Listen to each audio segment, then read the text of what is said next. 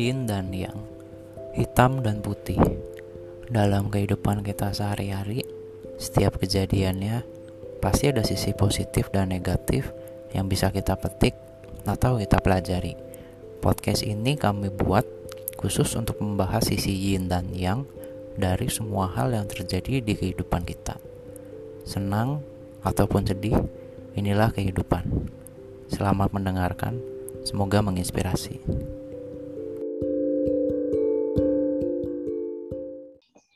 Oke guys, balik lagi ke podcast dan yang bersama gue Yuda dan saya Nabil.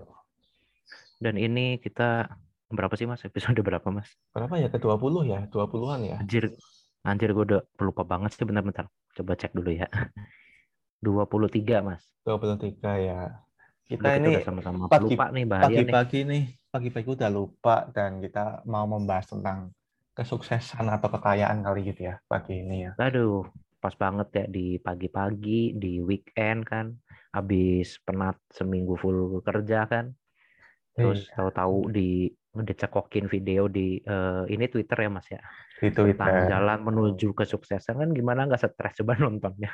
Overthinking. Gimana nggak makin stres nontonnya. Iya jadi malah malah ke mana-mana nih. Tapi Mas sebelum kita coba breakdown nih eh, ke ke teman-teman juga yang mendengarkan, kan kita pengen membreakdown eh, jalan atau path menuju kesuksesan ya. Mm-mm. Tapi kan kayaknya kalau makna kesuksesan itu sendiri kan, gue yakin buat tiap orang itu bakal beda-beda sih. Iya, Dan gue yakin pun menurut kita berdua juga pasti beda-beda.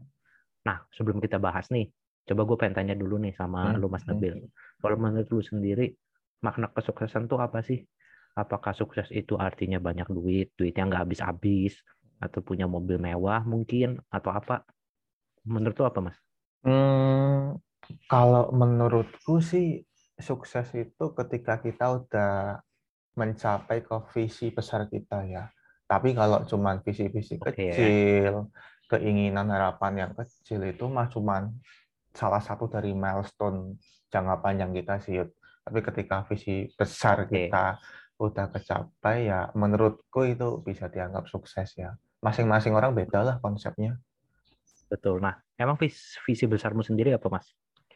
Ya, financial freedom yang pertama, pasti itu. Kalau Wah, kamu itu gimana aku denger sih. Em, kalau aku sih tidak bisa munafik ya. Kalau menurut aku sih sampai sekarang yang namanya orang sukses itu tidak terlepas dari faktor yang namanya duit lah atau Hmm, eh, ini financial lah ya. Jadi tapi em, kalau menurut aku gini, yang namanya orang sukses itu belum tentu orang yang jadi gini, makin sukses orang belum tentu duit di rekeningnya makin banyak itulah in- intinya mm-mm, mm-mm. yang penting yang penting duitnya atau hartanya atau dia secara finansial itu cukup gitu loh untuk Mm-mm. dia dan keluarganya dia bisa hidup secara layak. Jadi misalnya contoh kita ini kan cowok nih, misalnya kita udah punya istri, nanti kita udah punya anak. Oke. Kita menurut aku nih kita sebagai cowok itu sukses itu ketika kita bisa bikin keluarga kita hidup yang layak, tinggal Hmm. di rumah yang layak, makan minum yang layak, anak-anak kita bisa sekolah di tempat yang layak apa segala macam Mm-mm, itu mm-mm. berarti kita secara laki-laki atau secara individual kita udah sukses. Layak loh ya, bukan berarti harus berme- bermewah-mewahan. Kalau untuk aku Ya. sih itu. Oh, menarik sih, nggak nggak masalah. Betul. Kan eh, akan ah, betul akan tiap orang kan akan beda-beda. Cuma kan Mas kita juga nggak nggak bisa munafik ya. Seperti yang tadi kita berdua bilang aja, makna kesuksesan kan ada kaitan erat banget sama yang namanya finansial atau duit kan. Iya. Nah, nah makanya nih di apa namanya di episode ke-23 hari ini di weekend ini kita mau nge-breakdown nih dari jadi ada satu pakar nih Mas namanya Tom Curley. Tom Curley ya. Tom Curley, Tom Curley ini untuk eh, mungkin untuk eh, Mas Nabil dan juga teman-teman yang mungkin baru belajar sekarang. Jadi si Tom Curley itu adalah certified public accountant dan certified financial planner Mm-mm, mm-mm. ini. Nah, dia ini em, apa namanya? Dia itu ada studi atau dia itu research selama lima tahun untuk eh, apa namanya? 233 high net worth individuals. Nah, apa itu high high net worth individuals? Jadi dia itu eh, apa namanya? meriset 233 orang yang eh, net net eh, apa namanya duitnya secara net atau eh, apa apa namanya eh, asetnya secara net itu lebih kurang di angka 3,2 juta dolar atau kalau dirupiahkan itu berarti sekitar 43 miliar di rekening ataupun secara asetnya netnya. Nah, jadi dia ini si Tom Curley ini yang udah certified ini dia nge-breakdown dari 233 orang yang punya duit 43 M itu mereka ambil jalur apa aja sih? Atau mereka tuh sebenarnya melakukan hal apa aja sih selama nah, mereka mungkin nah. masih usia produktif, masih usia bisa cari duit apa segala macam, apa aja sih sebenarnya mereka lakukan sampai mereka bisa dapat duit sebanyak itu. Nah hari ini kita bakal breakdown itu ya mas ya. Iya menarik sih, menarik banget dan itu ada empat jalur yang kita nggak bisa menghindari empat jalur itu yuk kecuali kita ngepet yes. ataupun kita punya ya. privilege yeah. yang besar dari keluarga, misalkan dari keluarga kaya, keponaannya. Betul. Siapa kayak konglomerat atau iya. apa gitu. Atau uh, apa, atau lo ngehamilin cewek kaya. Belum tentu juga, yuk malah dibui. Hamilin cewek yang orang tuanya kaya maksudnya. Apa? Oh. Anjir dibui. Iya juga sih. Uh, ini kita mau bahas nih empat jalurnya. Langsung aja yuk ya. Yang pertama oh. nih. Ini dari risetnya Tom Curley ya. Yang pertama itu ada yes. istilah uh, kategori The Saver Investor Pad. Investor, Investor. Okay.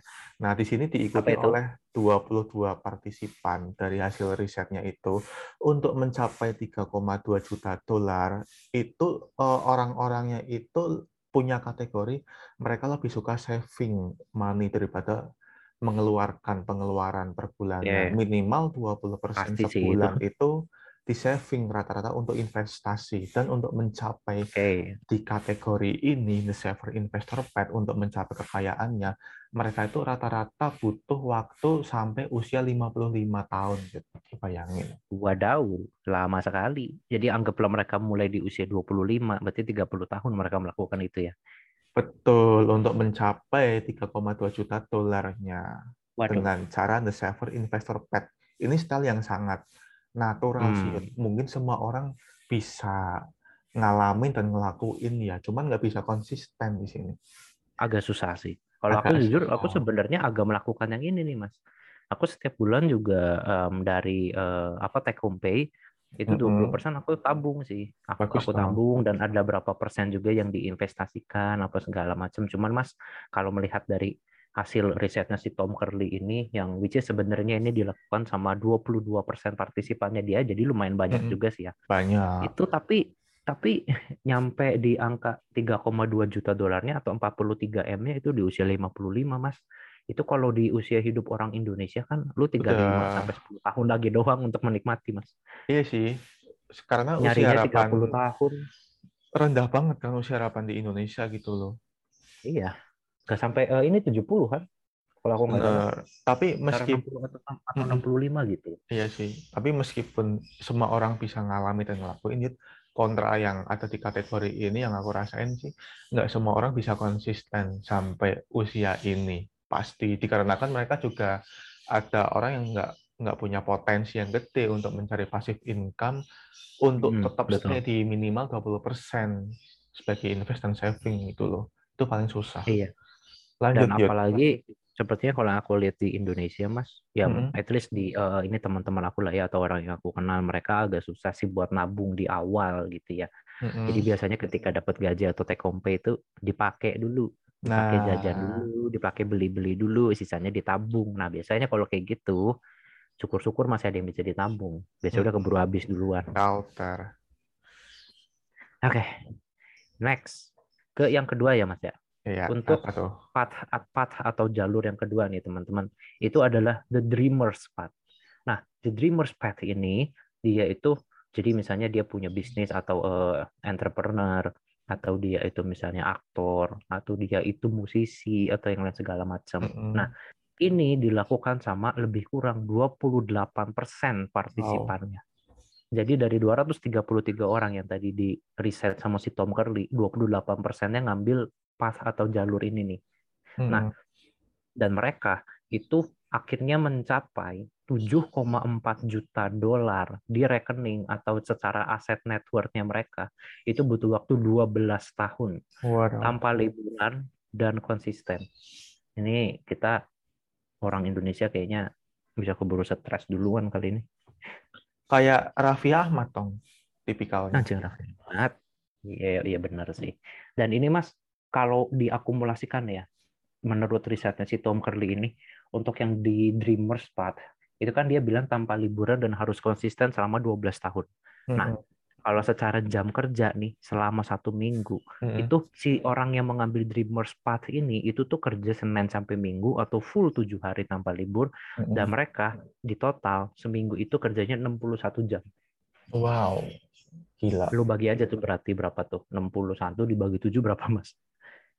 Gila Coba sih. pakai 61 dibagi 7. lagi enggak sinkron bagi 7 sekitar 8,7 jam, hampir 9 jam sehari.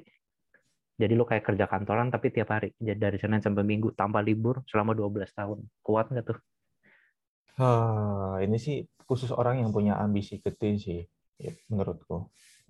Khusus orang yang punya ususnya panjang mas, kalau bahasa di Indonesia mah orang yang sabar, orang yang yeah. tekun, orang yang gigih. Kan seperti mungkin kita tahu ya kalau untuk lu punya bisnis sendiri atau lu pengen menggeluti misalnya di dunia musik atau aktor gitu kan pasti butuh waktu yang lama kan untuk lu master di situ aja kayaknya butuh waktu udah bertahun-tahun tuh belum nanti ketika lu udah master lu harus mulai nge-build karir mulai harus dapetin duit dapetin income dari situ terus lu nabung ya wajar sih kayaknya dalam waktu 12 tahun berarti let's say kalau kita mulainya di umur 25 juga sama kayak tadi yang path yang pertama Berarti kita baru nyampe di angka segitu tuh umur 37. Anjir, tua juga hmm. ya. Ya mungkin tambah 3 tahun sampai 5 tahun ya untuk tes and trial. Mungkin 15 tahun iya. lah. Iya. Ya 40 tahunan lah kalau kita mulai iya. di umur 25. Ya oke, okay. lumayan. Lanjut Mas. Oh ini ada yang basic banget sih tim lab-nya sih, yang petnya. Ini itu? ada the company climbers pet Aduh, dari namanya aja oh. udah keciri arti artinya apa. Iya, ya. ya coba lanjut, Mas. Kita semua tahu ya untuk yang kategori the company climbers pet ini benar-benar orang yang menggantungkan pada karir jenjang karir perusahaan. Makanya ini ya. paling banyak yuk partisipannya sebanyak 31 persen. Nah, sebanyak 31 persen itu orang-orang membutuhkan 22 tahun untuk mencapai wadah, wadah, wadah, wadah. 3,4 juta dolar. Ke tahap itu nih. Tapi di sini kategori ini benar-benar enggak semua orang juga bisa secepat itu Yud karena membutuhkan uh, skill relationship building yang bagus antar ekosistem di kantornya selama dia bekerja. Iya, betul. Entah betul. dia mau batu loncat, freelance atau benar-benar uh, di korporasi. Kalau memang kerja cuman kerja tok ya nggak bisa 22 tahun, bisa lebih sampai pensiun mungkin baru sukses. Itu sih ini yang Aduh, ini kalau bahas ini bisa panjang sih Mas, karena kan ini hal yang kita berdua lakukan ya. Dan yeah. ternyata ini Mas, apa namanya? Um, ternyata banyak nih, bahkan di antara keempat jalur atau path yang ditulis sama si Tom Curley di bukunya mm -hmm. yang bernama Rich Habit ini, mm -hmm. yang lagi kita breakdown nih. Ini yang The Company Climbers Path itu tuh punya partisipan paling banyak loh di antara path yang lain. Oh. Memang jalur paling aman sih sebenarnya aman banget. Meskipun paling aman gak berarti paling gampang ya, tetap susah.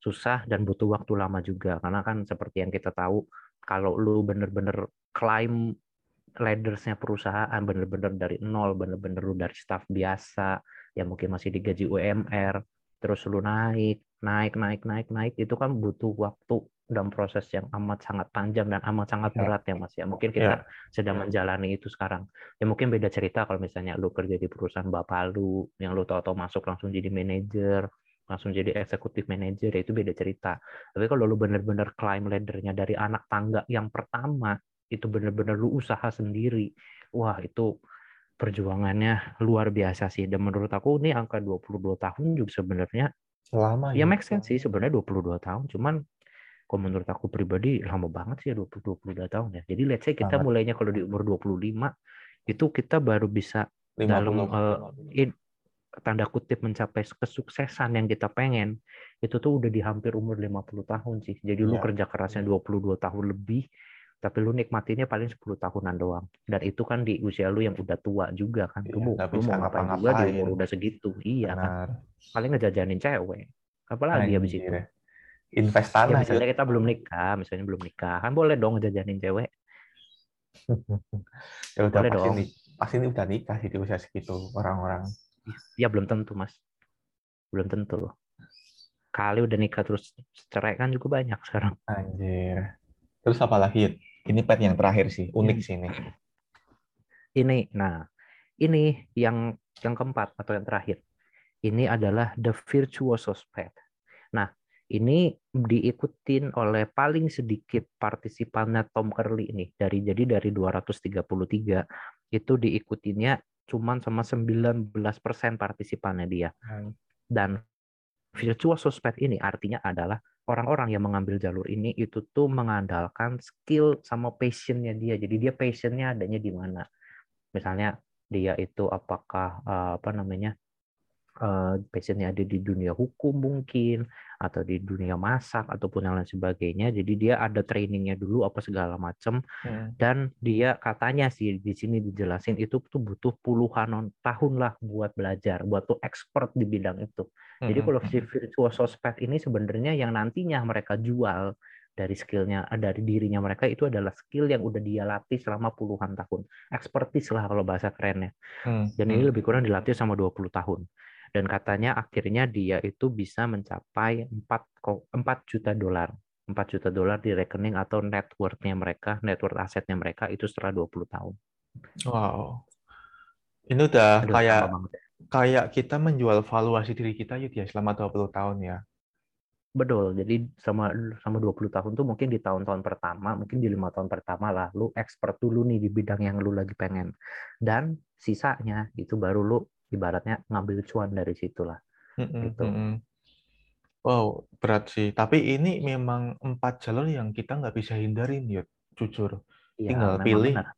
uh, atau di mix mungkin. Ada orang yang memang bisa nyentuh company climbers pet, tapi sore sampai malamnya di rumah dia mungkin bisa memilih kategori satu, dua, maupun empat. Dan di mix combine yang lainnya ya. Betul. Nah, kalau aku pribadi sih sekarang berarti lagi satu sama tiga. Satu Jadi sama selain tiga. aku sudah jelas company climbers ya udah jelas lah kita eh, rata-rata budak korporat lah. Jadi selain nomor tiga budak korporat, nah tapi nomor satu juga dijalanin nih selama sebulan tuh paling minimal 20% tuh aku tabung. Ada yang ditabung, ada yang investasi. Jadi selain untuk sedihnya harus masih bayar eh, ini cicilan-cicilan, tapi kalau aku sih maksa banget, pokoknya harus 20%, nggak mau tahu minimal tiap dapat take home pay hari ini, hal pertama yang dilakukan adalah nabung dulu. Nabung dulu, Hmm. bayar-bayar dulu, terus sisanya baru itu bisa dipakai gitu. Oke. Nah, Menurut kamu lagi yang mana, Mas? eh, menurutku sih lebih ke satu dua tiga ya. Dua ini sampingan sih tapi. Wah, kalau satu dua tiga dijalanin bareng, satu dua tiga dijalanin bareng mah lumayan stres ya, Mas ya. Sebenarnya tergantung kerjaan sih, Yud. Banyak kok rata-rata, ya ini kita sebut merek aja kali ya. Banyak kok Apa? PNS sekarang menjalani satu dua tiga, Yud. Eh, pagi gitu. pagi ke sore kerja, company climbers pet dong. Sekarang kan pensiun mereka di usia 50-60 kan. Terus mereka juga mm-mm. menabung 20% selama bekerja mungkin di jam kosong. Itu mereka lagi fokus ke poin nomor dua. Jualan all shop kayak atau jualan apa. Banyak kok sekarang kok. Banyak banget. Iya sih. Eh, tapi sebenarnya gini Mas, kalau kita berbicara nomor tiga ya kan kebetulan nomor tiga ini aku yakin juga di Indonesia mayoritasnya inilah pasti ngambilnya kan si company climbers nih. Buk- eh, ini kan juga juga terbukti dari partisipannya Tom Curley ini paling banyak nih. Eh, ini partisipannya sebanyak 31%. Nah, aku sih cuma pengen sharing aja sih bahwa ini sebenarnya kalau aku nggak salah ya, itu pernah disampaikan sama eh, siapa namanya? Eh, William Pak Halo. William Tanuwijaya Mbak. dari eh, ini Tokopedia bahwa dia itu pernah menyampaikan bahwa sebenarnya untuk kita nih para budak korporat gitu ya mungkin bahasa kasarnya para karyawan Mm-mm. itu sebetulnya ketika kalau kita bekerja terus kita give our all entah itu dari segi hatinya kita ikhlas Mm, mm, kerjanya dari segi kinerja kelihatan kita kasih kasih kasih ke kantor itu 100 bahkan 200% dari apa yang Oh. kita punya Mm-mm. kita kita apa aja dikerjain apa segala macam itu kata dia sih bakalan sukses juga at, at, the end, at, at the end of the time itu bakal sukses juga gitu loh jadi maksudnya tidak perlu berkecil hati gitu loh untuk teman-teman yang sekarang kayak anjir gua belum bisa jadi entrepreneur nih, gue belum bisa jadi pengusaha, gue nggak punya usaha sendiri, gue masih harus kerja sama orang terus, gue masih harus jadi uh, budak korporat terus gitu secara uh, ini bahasa kasarnya gitu ya. Nah teman-teman gak usah berkecil hati nih, karena dari orang besar sekalipun dia udah ngomong kalau lu itu jadi bahasanya gini, kalau lu bekerja di perusahaannya orang, tapi lu nganggep itu adalah perusahaannya lu sendiri dan lu bekerja sepenuh hati dan bekerja beker dan lu willing untuk bekerja keras, lu bakal sukses juga. Dan aku yakin itu dan aku percaya. Hmm, iya sih, bener sih, Yud. Fokus dan juga bisa multitasking kali ya ketika memang kita ada kerjaan yang lain yang pingin kita Betul. fokusin ya benar-benar harus dipertanggungjawabkan menurutku sampai Betul. ya minimal Betul, setuju, minimal 15 setuju. tahun lah ini rata-rata petnya juga membutuhkan 15 tahun lebih kok Yud yang mana yang si uh, ini company climbers ini uh, ya rata-rata lah 15 tahun tuh kita benar-benar konsisten ya udah hmm. bisa lah empat empat ini tinggal kita pilih bisa, bisa sih ya apalagi di usia yang masih let's say misalnya masih muda masih di bawah 30 juga there is still so much time lah untuk kita berpikir dan menentukan nih mungkin untuk teman-teman yang mendengarkan dari um, risetnya uh, si Tom Curley yang juga ada di bukunya dia ya Mas ya yang berjudul Rich Habit. Rich Habit. Nah, Rich Habit. Nah, ini mungkin teman-teman kalau misalnya berniat mau beli langsung bukunya, beli langsung bisa beli. Tapi kalau misalnya dirasa cukup, untuk mendengar tadi inti sarinya aja yang udah di breakdown terus udah bisa menentukan nih oh gue pengen yang ini oh gue pengen yang ini. Ya silahkan diambil. Jadi hmm. mungkin untuk teman-teman nih yang lagi mungkin baru fresh graduate atau mungkin sedang lagi masa-masa kuliah kalau menurut aku sih sangat cocok nih untuk mendengarkan atau membaca bukunya si Tom Curley ini. Jadi untuk untuk teman-teman yang mungkin masih di usia kuliah atau fresh graduate belum tahu ke depannya pengen kayak apa kita udah kasih nih intisarinya dari orang yang udah terkenal, udah nggak mungkin salah ngomong. Dia kasih empat jalur, jadi jadi teman-teman udah tinggal pilih aja kalian maunya yang mana, difokusin sampai sukses. Ya lebih ke sini sih, lebih ke awareness-nya itu harus ditinggiin dan idealismenya itu diturunin. Kalau buat kita kita yang anak-anak yang lagi fresh grad, ya. kita udah kasih disclaimer ini cuma ada empat jalur lu mau milih selain ini pun ya lu sama aja idealismenya terlalu tinggi lu tinggal pilih aja udah gitu loh nggak ada jalur lain kecuali memang kita ngepet instan gitu loh mm -hmm. terus pin pinjol dapat uang banyak ataupun memang keluarga kita punya privilege sebagai orang kaya itu pun pasti akan banyak masalah yang akan dihadapin dengan konteks yang berbeda dari empat jalur ini itu sih betul atau lu nggak atau lu ngehamilin cewek yang orang tuanya kaya itu opsi paling buruk sih. Masa itu lebih buruk dari ngepet sih, Mas? Yang ngepet kan dipertanggungjawabkan sendiri, Yud. ya kalau ini kan juga dipertanggungjawabkan. Waduh. Nah, udahlah, masih pagi juga lu udah ngacau aja. Oke, berarti cukup sekian ya, Mas ya. Nanti Oke. kita bahas Jadi, buku yang lain, ya. Atomic Habits mungkin. Itu menarik juga tuh buat dibahas. Boleh. Boleh sih. Oke, Uh, jadi untuk teman-teman yang mendengarkan, jadi itu tadi yang bisa kita share ya dari si Tom Curley, uh, Certified Financial Planner tentang beberapa orang yang di rekening atau secara aset networknya sudah di angka yang berpuluhan miliar. Apa aja sih yang mereka lakukan? Tadi ada empat jalur. Jadi dari untuk teman-teman nih, tinggal pilih aja dari empat jalur itu mau yang mana dan dilakukannya tetap harus sepenuh hati, tetap harus ikhlas dan tetap harus bekerja keras. Jangan di tengah-tengah ngeluh gitu. Kalau oh. kalau dikit-dikit ngeluh, dikit-dikit ngerem, dikit-dikit ngerem mah ya nanti nggak nyampe-nyampe gitu kan. Ya, ya oke okay, kalau misalnya capek, kalau misalnya capek bolehlah sebentar istirahat, tapi habis itu harus jalan lagi langsung, harus gas lagi langsung. Oke, okay. Nah, mungkin untuk episode ke-23 ini cukup sekian. Semoga teman-teman bisa meraih kesuksesan yang diinginkan dan dicita-citakan oleh masing-masing dengan cara yang terbaik dan halal juga, of course. Dan uh, untuk episode kesekian, eh, ke-23 ini cukup sekian. Gue Yuda pamit. Dan saya Nabil pamit. Terima kasih guys. Bye-bye.